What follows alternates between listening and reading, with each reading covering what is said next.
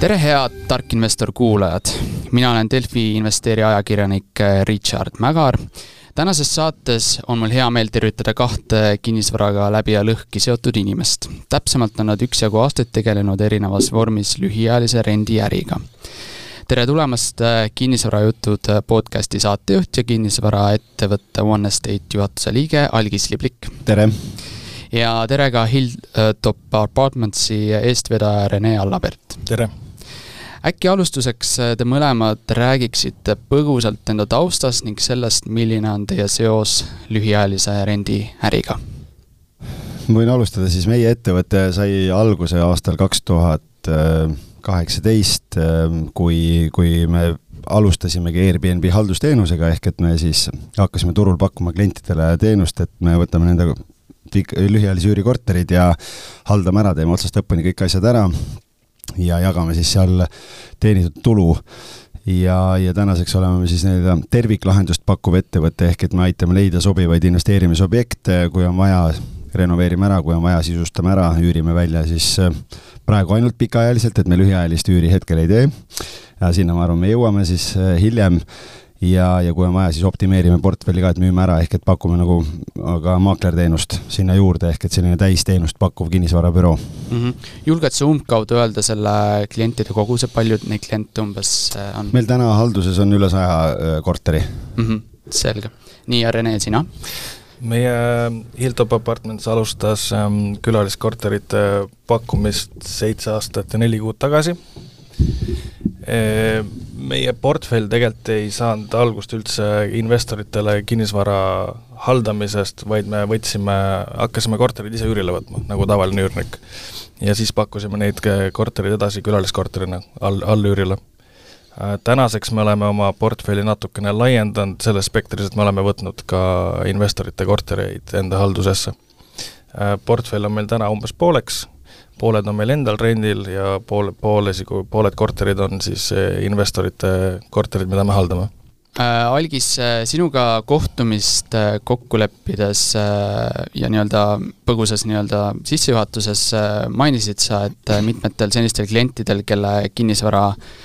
su ettevõte haldab, oled soovitanud nii-öelda lühiajalise rendi asemel pigem pikaajalisele rendile panna et miks selline soovitus äh, ning millest see on äh, tänases olukorras tingitud? see kõik tegelikult algas äh, koroonaga seoses, ehk et kui koroona tuli ja, ja kuna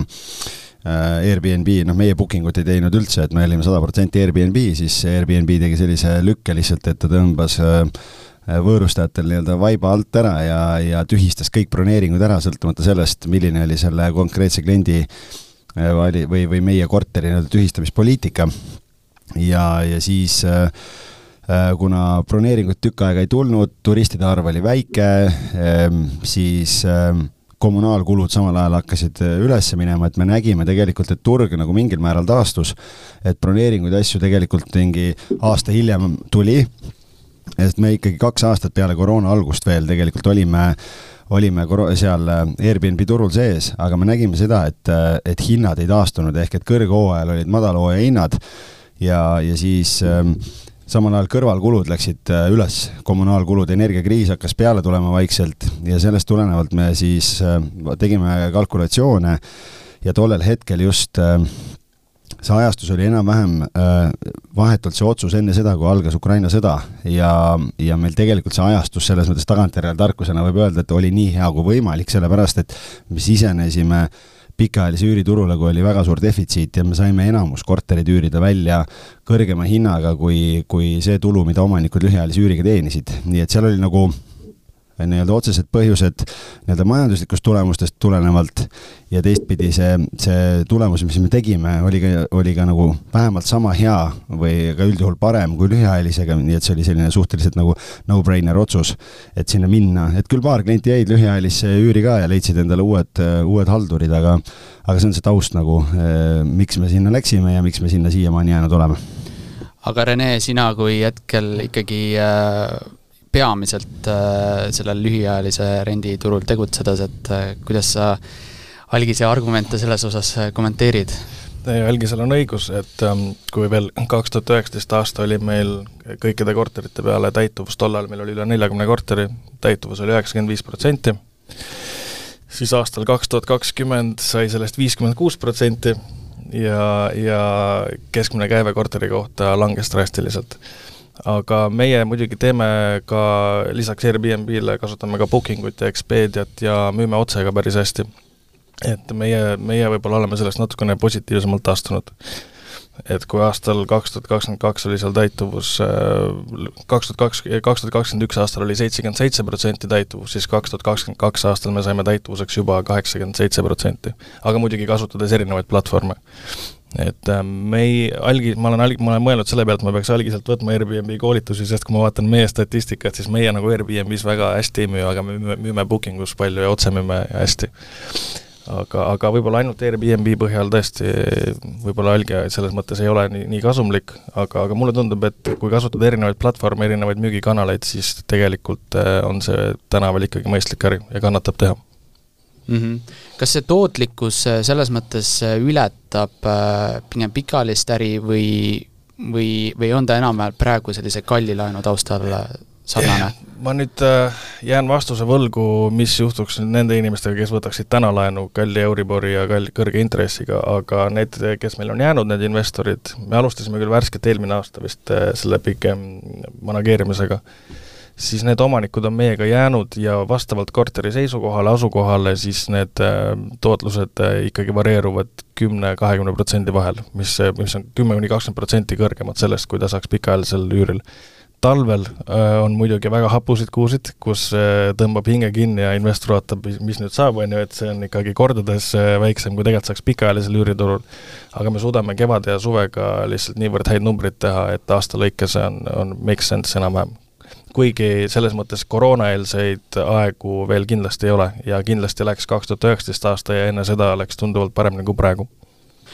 aga kui rääkida korra sellest portfellist, et äh, palju äh, reaalselt neid korterid sul endal on ja palju te haldate? enne koroonat ja, ja kus need äh, täpsemalt asuvad ka kõik? Enne koroonat oli meil nelikümmend kolm korterit Tallinna südalinnas ja kesklinnas ja need olid kõik siis meil lepinguga üürile võetud, et hallatavaid kortereid oli null praegu on meil kakskümmend viis korterit, millest kaksteist on meil endal üüril ja kolmteist on siis investoritele haldamiseks. päris äh, korralik arv äh, aga võrrelda, võrreldes algisega võib-olla mitte. no ei noh, meil Airbnb-s oli ka üle kahekümne, meil on lihtsalt see pikaajalise üüri portfell seal kõrval on kasvanud nagu, et, et meil oli ka kakskümmend viis, kakskümmend neli korterit oli kõige paremal hetkel koroonaeelsel ajal oli, mida me haldasime Tallinnas, nii et mm. -hmm aga täna tuli ka valitsuse kinnitus äh, selle kohta, et äh, majutuse käibemaksumäär äh, alates kahe tuhande kahekümne viiendast aastast tõuseb üheksalt protsendilt siis kolmeteistkümnele, et et kuidas see muutus siis tegelikult mõjub, et üks asi on hotellid, aga noh, teine asi on ka nii-öelda see lühiajaline rent, et mismoodi see nii-öelda protsendi muudatus siis mõjutab? ma arvan, et see mõjutab äh, ühtemoodi külaliskortereid kui ka hotelle, et me kõik ju tegelikult pakume ühte teenust, on ju. natuke erinevas võtmes, aga tegelikult see on üks ärivaldkond. ja, ja kui nad tahtsid nüüd tõsta kahekümne kahe protsendipunkti peale, siis äh, Eesti Hotellide Restoranide Liidu poolt tellitud uuringu põhjal oleksid ainult käibemaksu tõusmise tõttu kasvanud majutuse hinnad kaksteist protsenti. ja sinna lisanduvad ka muud, muud surved, hinnatõusude surved aga praeguselt, kui kolmeteistkümne protsendi peale tõsta, tõstetakse, siis ma arvutasin, et äh, puhtalt käibemaksu tõttu tõusevadki hinnad äh, tulevikus vähemalt viis protsenti, aga sellele lisanduvad ka kõikide sisendhindade kasvud, palgasurved, et ma ise arvan, et noh, kaks tuhat kakskümmend viis aastani on natukene veel aega, aga minimaalselt kümme protsenti tõusuga peaks inimesed arvestama. Ma arvan, siin on üks oluline osa veel meeles pidada seda, et kui me räägime nagu nii-öelda lühiajalisest majutusest, siis ikkagi väga palju võõrustajaid on sellised, kes teevad eraisikuna ja neid see käibemaks sellisel kujul võib-olla nagu ei mõjuta, et mõjutavadki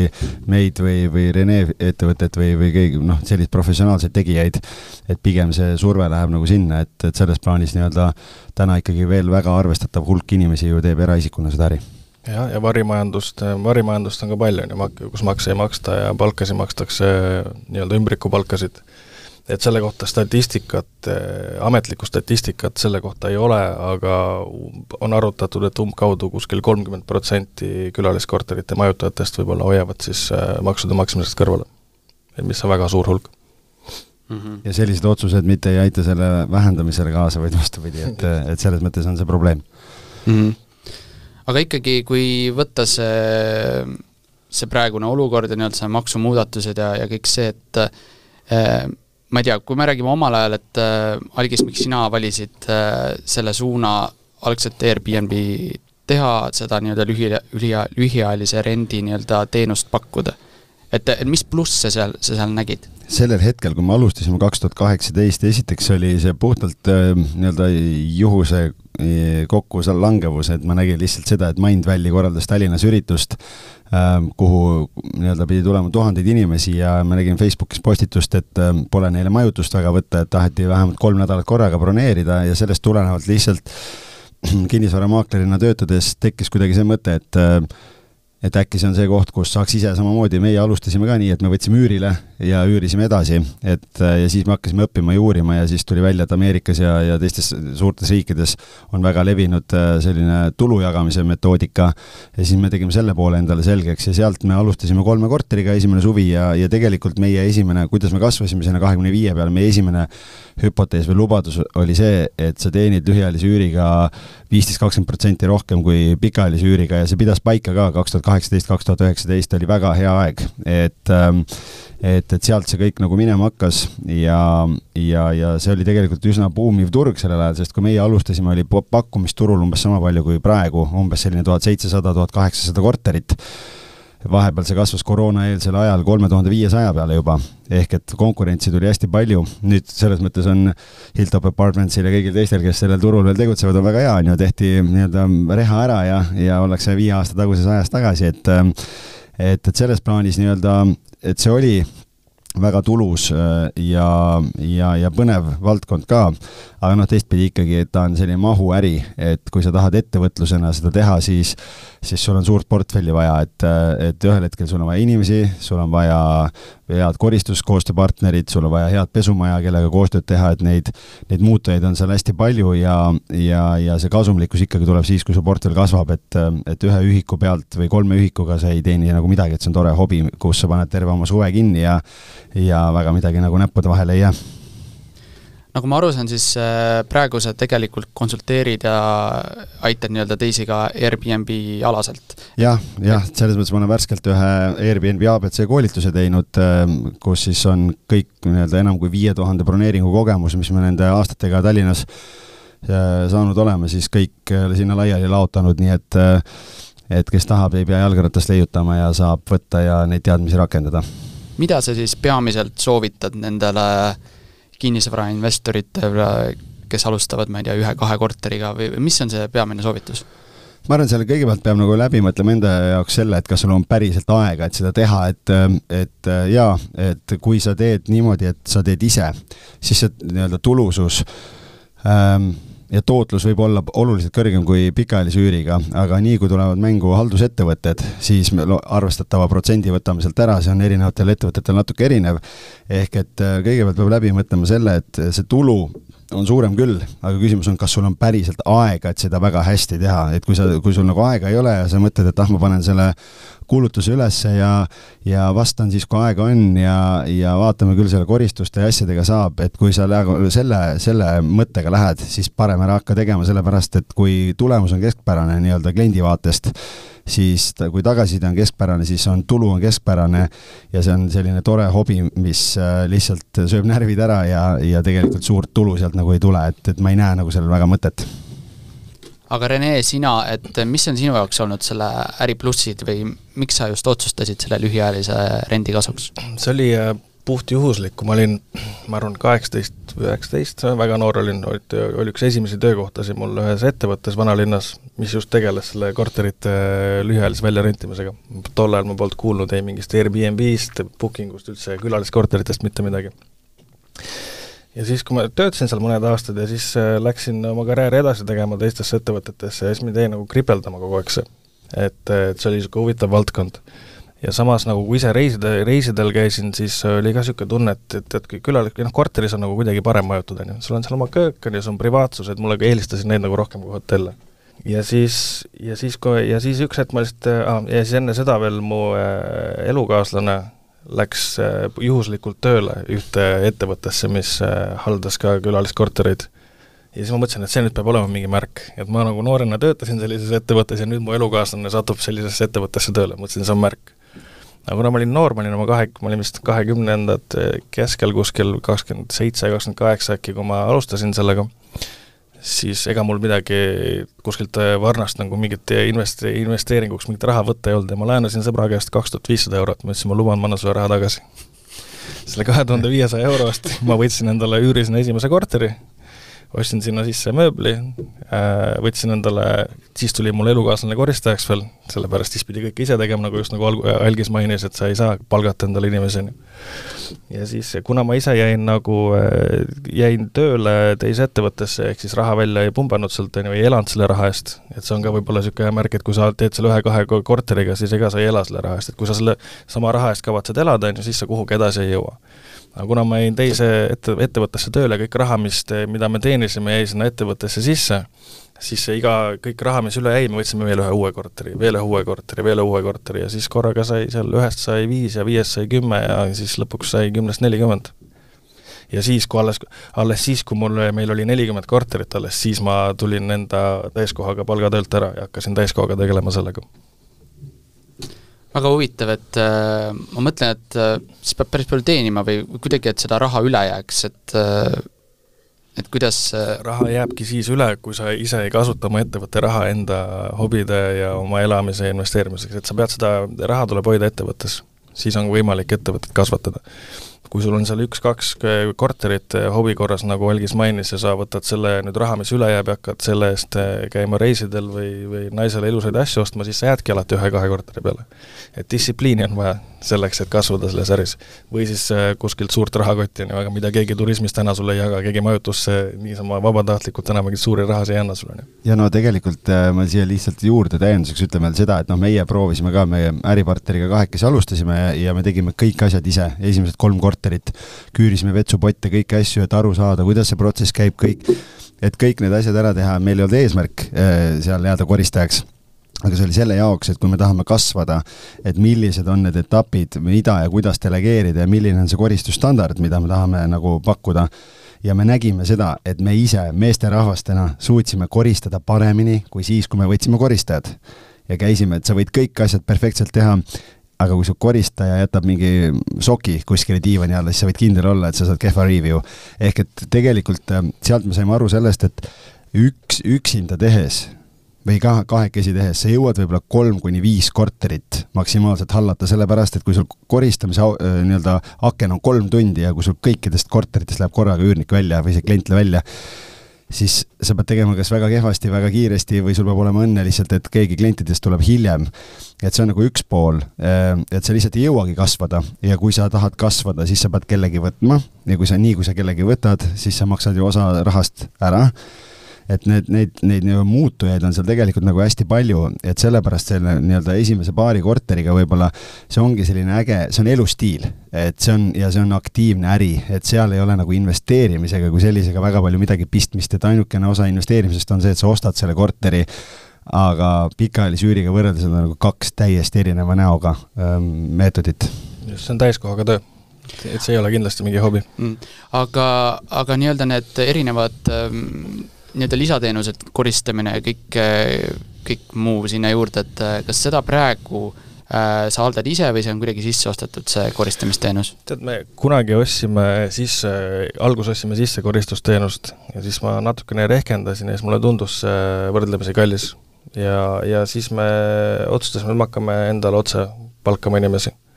ja kui sa ikkagi otse enda ettevõtte palkad, ettevõtte alla palkad inimesi ja maksad neile otse palka, siis see on kindlasti soodsam, kui osta sisseteenust. sest et see, kellelt sa ostad sisseteenust, ta peab samamoodi neile palka maksma, ma võin jätta selle, selle manageerija sealt vahelt ära ja ma võin neid töötajaid ise manageerida mm. -hmm. Äh, aga Algis, sinu puhul äh, oli, te ostsite ka ikkagi kolmandalt äh, poolelt sisse, et te ise ei palkanud koristajaid või? jaa, meil oli jah, koristusettevõte, keda me, kelle me võtsime, et sellepärast meil oli ka alguses, me alustasime ka nii, et esimese sammuna me võtsime ise koristajad, aga siis kippus ikka nii olema, et laupäeva hommik oli, klient läks välja, koristaja kirjutab, ma olen haige, no mis sa teed siis? vahetad riided ära ja pidid perega randa minema, aga lähed korterit koristama. Ja, ja siis neid selliseid asju ikka aeg-ajalt nagu tuli ette ja, ja noh, kuna nad ei olnud ka äh, nagu konkreetselt palgal, vaid meid olid nagu töövõtulepingutega nii-öelda, me maksime neile issand, ma ei mäleta, kuidas see tasusüsteem oli, see oli viis aastat tagasi, aga siis me saime üsna kiiresti aru, et see ei ole see mudel, äh, millega meie tahame, et see nagu tekitas täiendavalt veel seda nii-öelda töökoormust juurde. Ja me tahtsime hoolitseda ikkagi selle eest, et me saame tegeleda ettevõtte kasvatamisega, kliendi suhtlus oli kõik meie käes, kõik muud asjad me delegeerisime ära, et meil oli kaks projektijuhti, kes käisid, võtsid pesud, viisid pesud, kui voodi oli katki, võtsid trellid, tegid voodid korda, tegelesid selliste olmemuredega ja siis koristusettevõte tegeles äh, koristajatega, et kui hommikul koristaja andis teada, et ta on haige, siis ta andis sellele ettevõttele teada, et meil oli see middleman vahel, et me selle võrra natukene maksime rohkem ära, aga, aga saime natukene võib-olla rahulikumalt magada. Aga kus, aa jah? jah, meil selles mõttes on vedanud, võib-olla sellepärast, et mu taust enne, enne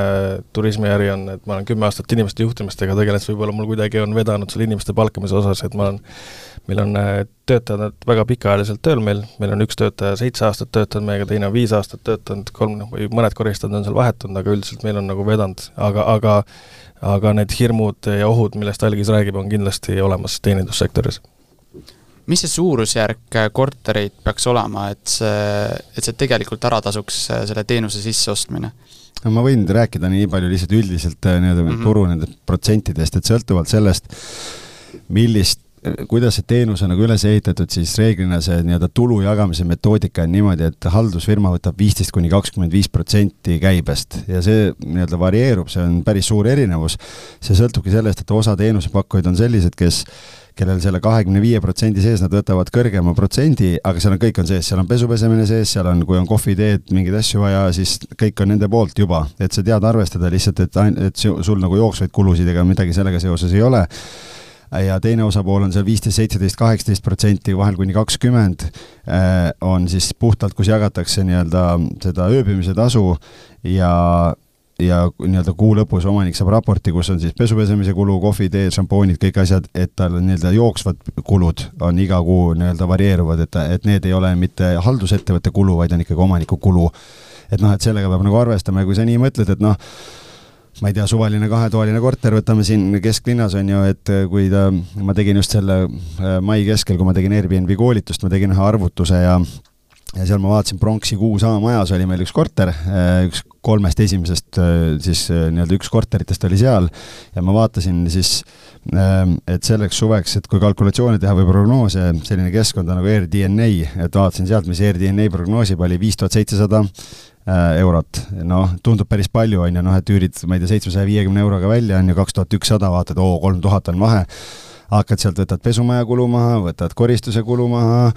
Äh, siis võtad kõik jooksvad kulud maha, on ju, siis kui sa tahad veel korteri Airbnb-sse panna ka, stardikulud on päris suured, voodipesud, kõik asjad osta ja siis ma vaatasin, et noh, selline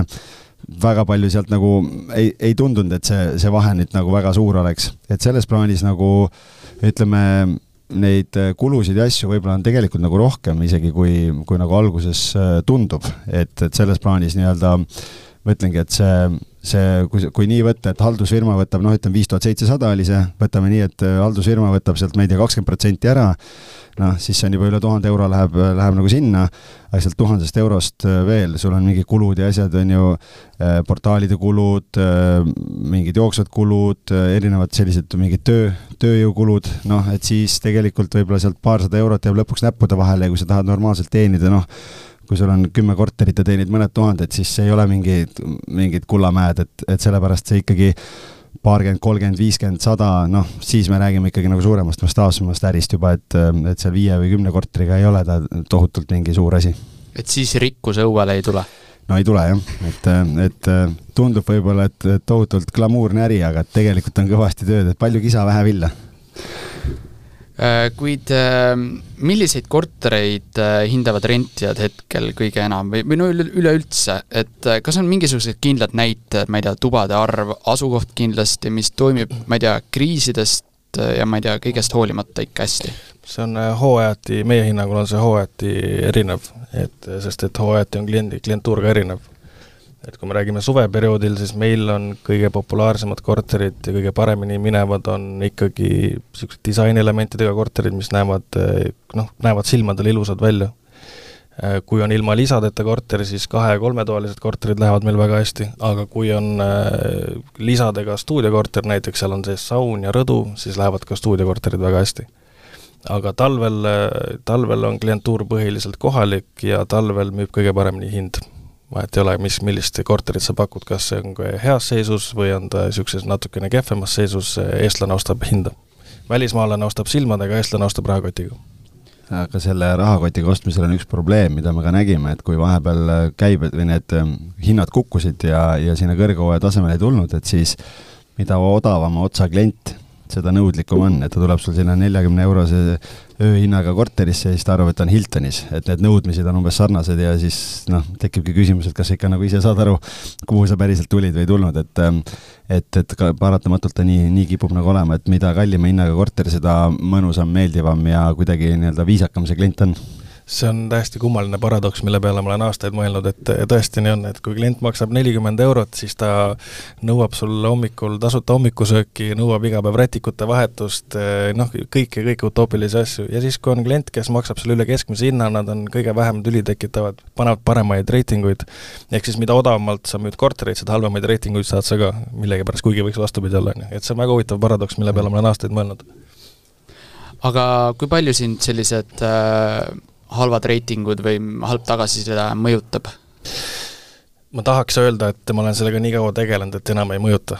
aga, aga siis ma valetaksin. et ma ikka igapäevaselt äh, jälgin neid, kuigi ma igapäevaselt ise klientidega ei tegele, äh, aga ma ikkagi loen neid reitinguid ja eks see ikka läheb südamesse, eriti lähevad südamesse ebaõiglased hinnangud et meil just hiljuti oli äh, välismaalt üks klient, kes pani meile ühe, sellepärast et tema väitis, et, äh, et meil dušikabiin laseb kogu aeg läbi, saadab video, kuidas on vannitoas on kolm sentimeetrit vett. ja no tuleb siis töötaja koha peale, laseb ta ka seda duši terve aeg ja no mitte kuskilt ei tule mitte mingit vett läbi ja siis pärast siis tuli välja, et ta tegelikult tahtis saada raha tagasi või paremat korterit ja tänu sellele ta hakkas nagu, hakkas äh, manipuleerima meid, lihtsalt lasi, võttis duši selle segist ja siis lasi lihtsalt kogu põranda vett täis, manipuleeris. et sellised lähevad väga korda, on ju. Mm. aga, aga samuti lähevad ka korda sellised äh, negatiivsed reitingud, kus äh, oleks ilmselgelt, oleks, oleks olnud väga lihtne olnud vältida seda halba reitingut, et oled nagu pettunud äh, ma ei taha öelda enda töötajates või eelkõige sa oled, eelkõige sa oled ikkagi pettunud iseendas, on ju. et äh, ehk siis reitingud, mida oleks saanud väga kergesti vältida. näiteks, ma ei tea, vastata kliendile õigel ajal või vot mingi, mõned, mõnikord jäävad tähelepanuta mingid asjad. Aga, aga tegelikult peaks, peaksin ma nendest vähem hoolima, olema, aga, ja olema kõvema südamega, aga, aga teate, ei saa, ma olen ikkagi igapäevaselt, kuigi ma igapäevaselt klientidega ei tegele, siis ma olen igapäevaselt ikkagi seal sees ja ma olen südame ja hingega asja juures kogu aeg. Äh, arusaadavalt kesklinn on äh, atraktiivne paik kinnisvara mõttes igal juhul, aga kui me räägime äh, mägedest, Lasnamäe, Õismäe, Mustamäe, kas sinna üldse tasuks Airbnb jaoks täna korterit vaadata no.? kui vaadata Tallinna Airbnb kaarti, siis kortereid on alates Viimsist kuni Kakumäeni välja ja tegelikult ka laagris ja noh, nii-öelda, et neid jagub igale poole, aga Mustamäe ja Lasnamäe on seal sees olemas mina ikkagi alati olen seda kuldse ringi nii-öelda mantrat tagunud, et kõik, mis jääb nii-öelda ütleme, Kadriorus metodisti kirik, siis äh, kosmoserist äh,, äh sealt äh, Tõnismäest teisele poole, ütleme, Põhja-Rimi ja kõik see nii-öelda, kogu see ring, et kõik, mis jääb selle sisse, vanalinn, südalinn, äh, see, see nii-öelda Kalamaja esimene pool nii-öelda seal Noblessneri piirkond ja kõik see, see on nagu väga hea, sest kui me räägime sellest, et turiste on vähe, vähem veel, kui oli, või noh, oluliselt vähem, kui oli varem, sellepärast et et turistide hulk ei ole taastunud, venelaste jaoks on, kes oli teine riik, on piirid täiesti kinni endiselt, on ju, siis asukoht on veel olulisem, kui ta oli kolm-neli aastat tagasi mis ei tähenda seda, et sa Mustamäel ei võiks raha teenistada, ma tean näiteks Laki tänaval seal äh, majades on ettevõtted, kes tegelevad ja seal käivad mingid IT-ettevõtete töötajad, kes nii-öelda lühiajaliselt seal ööbivad. aga kas sellele nagu nii-öelda pikaajalist äristrateegiat üles ehitada, selles ma nagu võib-olla nii, nii kindel ei ole, et, et ikkagi selleks, et see äri või, või et see tulemus oleks nagu tootlik ikkagi see noh, me peame mõtlema ju turistist lähtuvalt, mis on kliendile oluline, ta tahab olla ju nende turismiatraktsioonide lähedal ja selle jaoks vanalinn ja südalinn. jah, et ma, ma Tallinna kesklinnast väljapool palju sellest ärist ei tea, aga mis võiks toetada lühiajalist äri kuskil Mustamäel või, või magalapiirkondades, on see, et et äh, Eesti siseturism teeb äh, rekordeid et, et meil oli aastal kaks tuhat kakskümmend kaks oli miljon kaheksasada siseturisti versus aastal kaks tuhat üheksateist oli miljon viissada, ehk siis võib-olla see siseturismi osakaal võiks seda toetada, sest inimesed ju reisivad, ma ei tea, töö pärast või siis kellelegi külla, on ju, siis neil võib-olla on seal välises piirkonnas vaja. aga mis puudutab turiste ja me oleme ka keskendunud ikkagi põhiliselt välisturistile, siis Eh, klient ikkagi võtab lahti kas Airbnb või siis Bookingu kaardi ja siis ta vaatab, kui kaugel see korter asub vanalinnast või sadamast või siis Noblessnerist ja siis vastavalt sellele ta teeb enda valiku. et meil on kõige, kõige enim müüdavam asukoht on meil vaieldamatult Foorum ja Rotermanni kant. et suvel läheb Noblessner ka, aga näiteks talvel Noblessneris oli natukene raske kliente püüda, aga Foorum ja Rotermanni no-brainer aga mis päritolu see tänane nii-öelda turist on peamiselt, soomlane? see suvi on õnneks kõiki, kõik turistid on tagasi, võiks nagu tunnetuslikult võiks öelda, et turistid on tagasi. et äh, meil on just Austraaliast äh,, Inglismaalt, Portugalist, Itaaliast, Hispaaniast, igalt poolt on soomlasi palju, aga nüüd äh, eelmine, üle-eelmine aasta siis pidid tikutulega taga otsima välismaalasi. ja mis on see, see aasta on märgatavalt rohkem vähemalt meie korterites on lätlasi keda siis varasemalt ajalooliselt ei ole väga käinud. sest et äh, äh, lätlaste ja leedulaste osakaal Eesti turismis on olnud ajalooliselt võrdlemisi väike, aga, aga tunnetuslikult võib öelda, et neid on nüüd rohkem tekkinud, eriti Läti turiste. Äh, sa põgusalt rääkisid ka sellest Airbnb äri sesoonsusest, et et kas talvel on üldse mõtet seda äri teha? algis võib ka kaasa mõelda selles osas oi, vabandust, et äh, selles mõttes äri on sesoonne sada, sada protsenti, sest et meie kliima on sesoonne. aga, aga noh, meie oleme seda aasta läbi teinud ja meie jaoks see nagu mõte on, nagu ma põgusalt enne mainisin ka, siis talvel on muidugi raskem, talvel, talvel ehitad sa strateegiat üles selle peale, et sul, et sa nulli saaksid, miinusest nulli saaksid. Ja suvel sa teenid raha et, et aga, aga nagu aasta lõikes siis tuleb lihtsalt äh, töötada niimoodi, et, et sul see suve ja talve omavaheline vahe oleks ikkagi plussis. et talv on vaieldamatult raske ja see, ja kui sa ei tea väga hästi, kus sa toimetad, siis võib päris kiiresti lõppeda sellega, et sa paned uksed kinni ja ma olen selles mõttes olen nõus, et äh, tegelikult üks suurim viga, mida võib-olla kliendid teevad üldse noh, korteriomanikud siis äh, nii-öelda Airbnb ja pikaajalise üüri vahel nagu võrreldes või noh, lühiajaline üür, räägime siis lühiajalist üürist, et kuna Renel on teised kanalid ka, on see, et lühiajalise üüri tulusust ei tule vaadata mitte kuupõhiselt, vaid aasta lõikes tehakse kalkulatsioone ja seal ongi see, et tegelikult madalhooaja ja kõrghooaja strateegia on erinevad, et madalhooajal näiteks Airbnb puhul meie madalhooaja strateegia, miks me tegime aasta ringi oligi see, et talvel sa kogud review sid äh, selleks, et suvel teenida rohkem raha. et, äh, et kui keegi tuleb ainult äh, niimoodi, et ta on ainult suviti, siis ta teenib vähem kui see, see klient või see korteriomanik, kes on aasta ringi. Te kindlasti mõlemad enda kogemusest oskate ka nii-öelda seda olukorda kirjeldada, kui ma ei tea, pärast korteris viibimist avastate, et järsku ma ei tea, pind on kuidagimoodi räpane, korteriga on kuidagi halvasti võib-olla ringi käidud, äh, ma ei tea, võib-olla on suitsetatud, mida iganes. ühesõnaga ähm, sellise ebameeldiva kogemuse, et, et kuidas te sellises olukorras olete käitunud ja, ja mismoodi nii-öelda üürileandjana üldse nii-öelda käitute selles olukorras või mis olukordi on juhtunud mm? -hmm Äh, kunagi pidasin isegi arvet, siis kui meedias hästi palju kajastati seda, et äh, issand, kui, et kui, kui halvasti külaliskorterites äh, käitutakse, kui palju naabrite öörahusid rikutakse, siis ma tegin arvutused meie kõikide broneeringute peale, see oli vist null koma null null null või null koma null null üks protsenti klientidest vist väärkohtles korterit võib-olla. et see, võib-olla küsimus on selles, kuidas selliseid kliente vältida esialgu ja meie oleme selleks võtnud äh, kasutusele mitu, mitu nii-öelda policy't enda ettevõtte sees. üks neist on see, et äh, nädalavahetusi me ühe päeva kaupa ei müü, et sa võid korterit broneerida ainult reedest pühapäevani, ainult reedet, ainult laupäeva broneerida ei saa. Äh, siis teine asi on see, et meil on kodukord, mis me lasime kunagi juristidel endale teha, kliendid peavad selle kodukorraga nõustuma ja, ja kolmandaks või ja kõige tähtsamaks äh, meetodiks on see, et me ei majuta külalisi, kellel on vanust alla kahekümne viie eluaasta.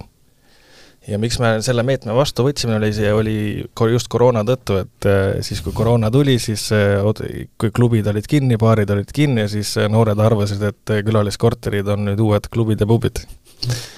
ja siis tuli selle, ja siis tuli sellele kiiresti reageerida ja aga tänu nendele meetmetele, mis me vastu võtsime, siis meil, meil tõesti ei ole probleeme. et see on noh, tõe, ma, ma ei mäletagi, millal meil viimati oleks olnud mõni probleem. aga üks näide, mis meil koroona ajal võib-olla oli, oli see, et tuli, tuli Airbnb klient meile ja võttis endale tüdrukule korteri ja siis naaber kirjutas, meil on naabritega alati kontaktid jagatud, kõigiga on suhted head, et naabrid võtavad ühendust, kui midagi on ja me reageerime kohe. ja siis naaber kirjutas seal paar minutit peale ühte-teist, et tundub, et teil on suurem seltskond korteris. siis äh, läksime ukse taha, ma pidin ise kaasa minema, sest ma ei hakanud äh, naisterahvast personalis meil üksinda sinna saatma. ja siis nad ütlesid, et jah, okei okay,, me pakime kokku, seal oli mingi kümme sõpra võib-olla, et ja lähme kohe ära. kolmkümmend minutit hiljem ei olnud keegi ära läinud, läksime jälle, siis tegi ukse lahti, siis ma pidin võtme kohe ära võtma ja siis nad keeldusid ikka välja minemast ja siis me pidime politsei kutsuma. ja, ja aga lihtsalt, et see klient tegi, tegi selle olukorra nii keeruliseks meil ja meil oli temaga allkirjastatud kodukord, siis me esitasime kliendile trahviarve viissada eurot, mida ta ei olnud nõus maksma, et nende jurist hakkas mulle kohe kirjutama, kuidas kõik on alusetu, siis ma saatsin veel ühe hoiatus, tähendab selle meeldetuletusarve, siis jurist jälle vastas sellele, et meil pole mingit alust ja hakkas ähvardama meid kui igale poole kohtusse kaevata ja kuhu iganes ja siis me lihtsalt andsime selle läbi Pärnu maakohtu, andsime kohtutäiturile ja kui me, nii kui me andsime selle kohtu, ei maksekäsu andsime ja nii kui me andsime maksekäsu sisse, siis ta tahtis äh, kokkuleppele minna, tegime talle viiskümmend eurot soodustust, maksis meile nelisada viiskümmend euri äh, selle öörahu rikkumise eest ja, ja, ja asi nii jäi. aga, aga jah, põhi, põhiliselt kui selles äris olla, siis ma arvan, kõige tähtsam on see küsimus mitte kuidas te, kuidas käituda peale seda, kui korteris on midagi tehtud halvasti, vaid kuidas üldse vältida selliseid külalisi. et see on nagu number üks. kuidas sulle, Algis, on olnud? meil oli selles mõttes ka, et me isegi nädala sees ei võtnud ühe öö kaupa, et me algusest peale otsustasime ära, et äh, me teeme ainult kaks ööd miinimum ja tegelikult sellega me väga paljuski ikkagi nii-öelda eos juba hoidsime eemal need ähm, ühe pidutsejad ja, ja me oleme ka teinud arvutusi ja me vaatasime, et see enam kui viie tuhande broneeringuga neid proble-, väga-väga probleemseid kliente, kelle me pidime broneeringu poole pealt lõpetama või mis iganes põhjuseid seal oli ähm,, oli kahekümnega midagi, et, et noh, et see on üks enim levinud või nagu müüte või vale arusaam on see, et tohutu läbustamine ja pidutsemine käib, et tegelikult klient tuleb siia magama, pesema ja sööma. et ähm, ja, ja, ja selles mõttes on lihtsalt äh, äh, ütleme nii, et äh, me üritasime ka ennetustööga tegeleda ähm,, alati võib-olla ei õnnestunud, sellepärast et tegid küll enda meelest kõik, kõik kontrollid, kõik asjad tegid ära ja vaatasid nii-öelda varasemaid review sid ja kõike seda poolt aga ega see inimese sisse lõpuni ei näe ja, ja meil oli ka olukordi, kus mingi sünnipäeva tähistamine tuli, kuigi ei olnud nagu kooskõlastatud ja mingid asjad ja, või, või klient läks ära, avastasid, et ma ei tea, kokaiini ja kanepit on tehtud korteris, on ju, ja ja siis, kui pärast saadad talle pildid, on ju, ja ütled, et noh, et kas see on see tänu siis nii-öelda selle külalislahkuse eest, et ma lasin su oma koju, siis ta sõimab sul veel näo täis ja saadab igale poole, noh, seal on omad protseduurireeglid, mida on siis oluline teha, et see Airbnb-ga suheldes saaksid nendelt tuge, et kõik õigesti teha. Ja meil olid ka trahvid. Meil olid äh, päris äh, soolased trahvid ja, ja me ka alati virutasime kohe rahanõude välja, kui, kui klientidel oli probleem, nii et äh, et tegelikult ähm, kui vastutustundlikult käituda ja teha, siis ei ole probleemi ja mina ei saa aru, kust need legendid tekivad, et kuidas siis korteriomanikud ise järelikult on nii vastutustundetud, et, et ma ei tea, et kas see raha on nii oluline siis, et sa pead seda ühe öö kaupa võtma, et ma ei ole selles nii kindel. jah, paljud väiksed üritajad lasevad ka ilma isikutuvastuseta külalisi sisse, nad ei küsi su nime, sa võid booking, noh, et ainult Airbnb-s on ju, aga booking us sa võid oma nimeks panna mingi nipitiri ka ja, ja siis sa, kas sa tõesti võtad vastu selle külalise, kelle nimi on Nipi Tiri, sa ei lähe talle vastu, sa ei küsi ta dokumenti, sa ei tea, kui vana ta on, on ju, ja siis need probleemid tekivadki, et kui sa annad oma autot rendile näiteks kuskilt autolevi kaudu, kas sa siis ka nagu ei tuvasta isikut või, või küsi nagu, kuidas su nimi on, tahaks, tahaks nagu sinuga tuttavaks ennem saada, nii et korterite üürimisel peaks olema samasugune vastutus endal, et sa ei anna ju iga, sa ei jäta ju kuskile võtmeboksi täitsa võõr, võhivõõrale inimesele, kelle nimi on eh, kuskil broneerimiskeskkonnas midagi suvalist sa ei jäta ju talle võtmeid, on ju, et sa ikkagi tuvastad kliendi. nii, nii et sa ikkagi teed mingisuguse taustakontrolli õrna ka või, või noh, kõigi puhul ju ei jõua, kui Isik, sul on isikutuvastus, meile piisab isikutuvastusest, see, et nad nõustuvad kodukorraga ja, ja see, et me teame, et ta ei ole seitsmeteistaastane. sest et neil ei ole asja. ja väga levinud äh, asi, mis äh, ajas aina kasvab, on see, et äh, ma broneerin korteri oma sõbrale. siis tekib küsimus, et aga miks sõber ise ei broneeri sellepärast ei broneeri, et ta ei saa, järelikult ta on kas liiga noor või tal on mingi kehva review all all, on ju, ja siis lihtsalt ei tohi silma kinni pigistada, vaid tulebki kohe öelda, et sorry, aga ei saa. meil just täna tuli broneering, et saadeti kolmanda isiku dokument meile, ütleme, et see ei klapi broneerija nimega, aga see on sõbra isa, tema dokument ei sobi või? no ei sobi Sorry, ei sobi, et ei saa, otsi endale teine koht mm. -hmm aga olete te väljaspool Eestit ka vaadanud äh, Airbnb pindu, kohti? meie käisime lausa vahetult enne koroonat Hispaanias ettevõtluskoolitusel ja sai, kohtusime seal äh, kinnisvaramaakleritega ja, ja siis vaatasime Prantsusmaad, sest seal oli päris head turismisoodustused ja siis tulime tagasi, hakkasime plaani pidama ja siis tuli, tuli käis pauk ära ja siis praegu on sinna, nüüd see sinna see plaan jäänud, et ei ole nüüd uuesti käsile võtnud, aga ta kuskil sahtlis on olemas, et niisugune unistus on äh, olnud ikka, et äh, ikkagi Eesti piirides ka välja minna. meie oleme ise Pärnus kahe korteriga hetkel, et, äh, et Eestist väljapoole ei ole vaadanud, aga, aga nii-öelda Eesti lõunaosa riikides oleme kohal arusaadav, aga rääkides korra sellest tootlikkusest veel, et mis see, mis see miinimum selline tootlikkus võiks olla või kuidas seda tootlikkust arvutada? Et see, et see äri ähm, ära tasuks. Jah, Rene võid et ma ei oskagi selle tootlikkuse kohta midagi öelda, ma ise seda kinnisvara ei oma, siis mul selles mõttes seal tootlikkust ei ole, no mina vaatan majandusaasta aruandeid ja mul peab seal olema pluss ja mul peavad olema kõigile palgad makstud ja midagi peab üle ka jääma ja siis on, siis on mul pluss, on ju. et ma tea, ma tean äh, selles mõttes äh, mingeid KPI-sid, mis mul peavad olema, kui palju mul üks korter peab iga kuu seal käivet tegema, et, et ma oleks selle korteriga plussis. et see on korteripõhiselt äh, ikkagi väga, väga konkreetselt, mitte niimoodi üldine, et sa tead, et sul on, ma ei tea, mingi kindel protsent. mina, mina jälgin isiklikult seda korteripõhiselt, ma üritan üldse väga andmepõhiselt äh, seda asja juhtida. Ja sest sa pead, sa pead analüüsi tegema korteripõhiselt, sellepärast et kui sa vaatad ainult üldsuurt pilti, siis sa ei pruugi teadagi, et sul on üks korter kaks aastat kahjumis olnud ja sööb si-, ja sööb sul tulusid ära, et sa pead ikka korteripõhiselt vaatama, võib-olla mõni korter enam täna ei sobi su portfelli, et ta toodab miinust, et näiteks mikro, mõni mingi mikrokorter või väiksem korter, kuna hinnad, hinnad on teinud oma, omad korrektuurid, siis sa ei suuda seda korterit äh, müüa piisavalt äh, hea hinnaga ja samas on kulud tõusnud, on ju, erinevates, äh, erinevatel objektidel on erinevad ühistud, erinevad kulud, erinevad energiaklassid, et see peab olema kindlasti väga detailne ja korteripõhine. Ja ma olen selles mõttes nõus, et meie jälgisime ka korteripõhiselt, sellepärast et ku-, kuidas sa muidu saad aru, millise korteri omamine portfellis on mõistlik ja mitte ja kui sa tahad kasvada, et millised korterid toodavad kõige paremini ja kuhu, millises suunas siis nagu kasvada tahad, et et, et, et kipub jah nii olema, et on noh, meil oli näiteks Narva maantee nelikümmend Avangard'i majas olid mingid korterid, fancy'd korterid, äge maja, kõik asjad, kõik on nagu okei okay., aga kommunaalid on kõrged ja siis, kui sul nii-öelda ööhinnad kukuvad, lõpuks vaatad, et noh, et äh, tore küll, aga, aga, aga tegelikult nagu ärilises mõistes nagu väga tolku ei ole ja see, milline tootlus nagu omaniku vaatest on, see on ju hästi erinev, sest mm, meil oli ikkagi päris arvestatav hulk neid äh, investoreid, kellel oli ainult omakapitaliga ostetud korterid ja pangalaenu ei olnud, siis nendel mingit väga suurt survet ja, ja tulekahju ei ole. teisest küljest, kui on mingid kliendid, kes on ostnud pangalaenuga ja nüüd Euribor on hästi kõrgeks läinud, on ju, noh siis ei ole vahet, kas on pikaajaline või lühiajaline üür, et sul on sul on see tootlus on nii või naa nagu alla läinud, aga noh, tegelikult kui me räägime lühiajalise üüri kontekstis, siis kõige suurem vahe pikaajalise üüriga tootluse mõistes tuleb ikkagi sellest, et kui sa ostad uusarenduse korteri, sa saad käibemaksu tagasi küsida, sellepärast et lühiajaline üür on käibemaksuga maksustatav tulu, et sealt saab tulla see tootluse vahe pikaajalise üüriga võrreldes, et et nii-öelda äriliselt nii-öelda lihtsalt, kas ta on pikaajaline või lühiajaline üür, see on puhtalt nii-öelda raha, rahavoo genereerimise meetod ja see, see tootluse vahe ei ole seal võib-olla nüüd nii, nii suur lihtsalt, et ühele sobib üks, teisele teine kas siis äh, lühiajaline üür sisuliselt äh, võiks äh, kuidagi paremini leevendada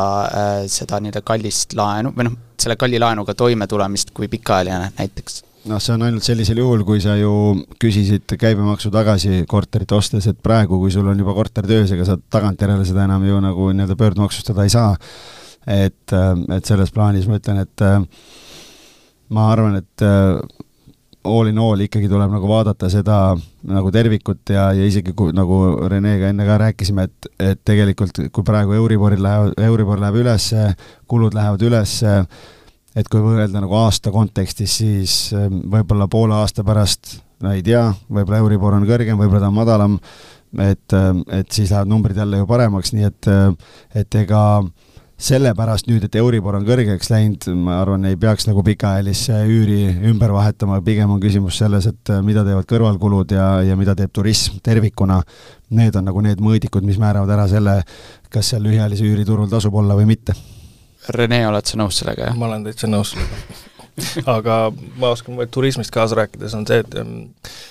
pro-, prognoosid on äh, sellised, et kaks tuhat kakskümmend kolm peaks tulema välisturistide külastatavuse poolest äh, kaks tuhat üheksateist aastale sarnane aasta, peaks tulema. Äh, sii-, toibumise märke on nüüd peale koroonat iga aasta natukene näidanud, aga eks nüüd, eks nüüd elu ja võib-olla geopoliitiline olukord ja majanduslik olukord näitab, mis tegelikult tulevik toob. fakt on see, et turismiettevõtted on viimased kolm aastat kahjumis olnud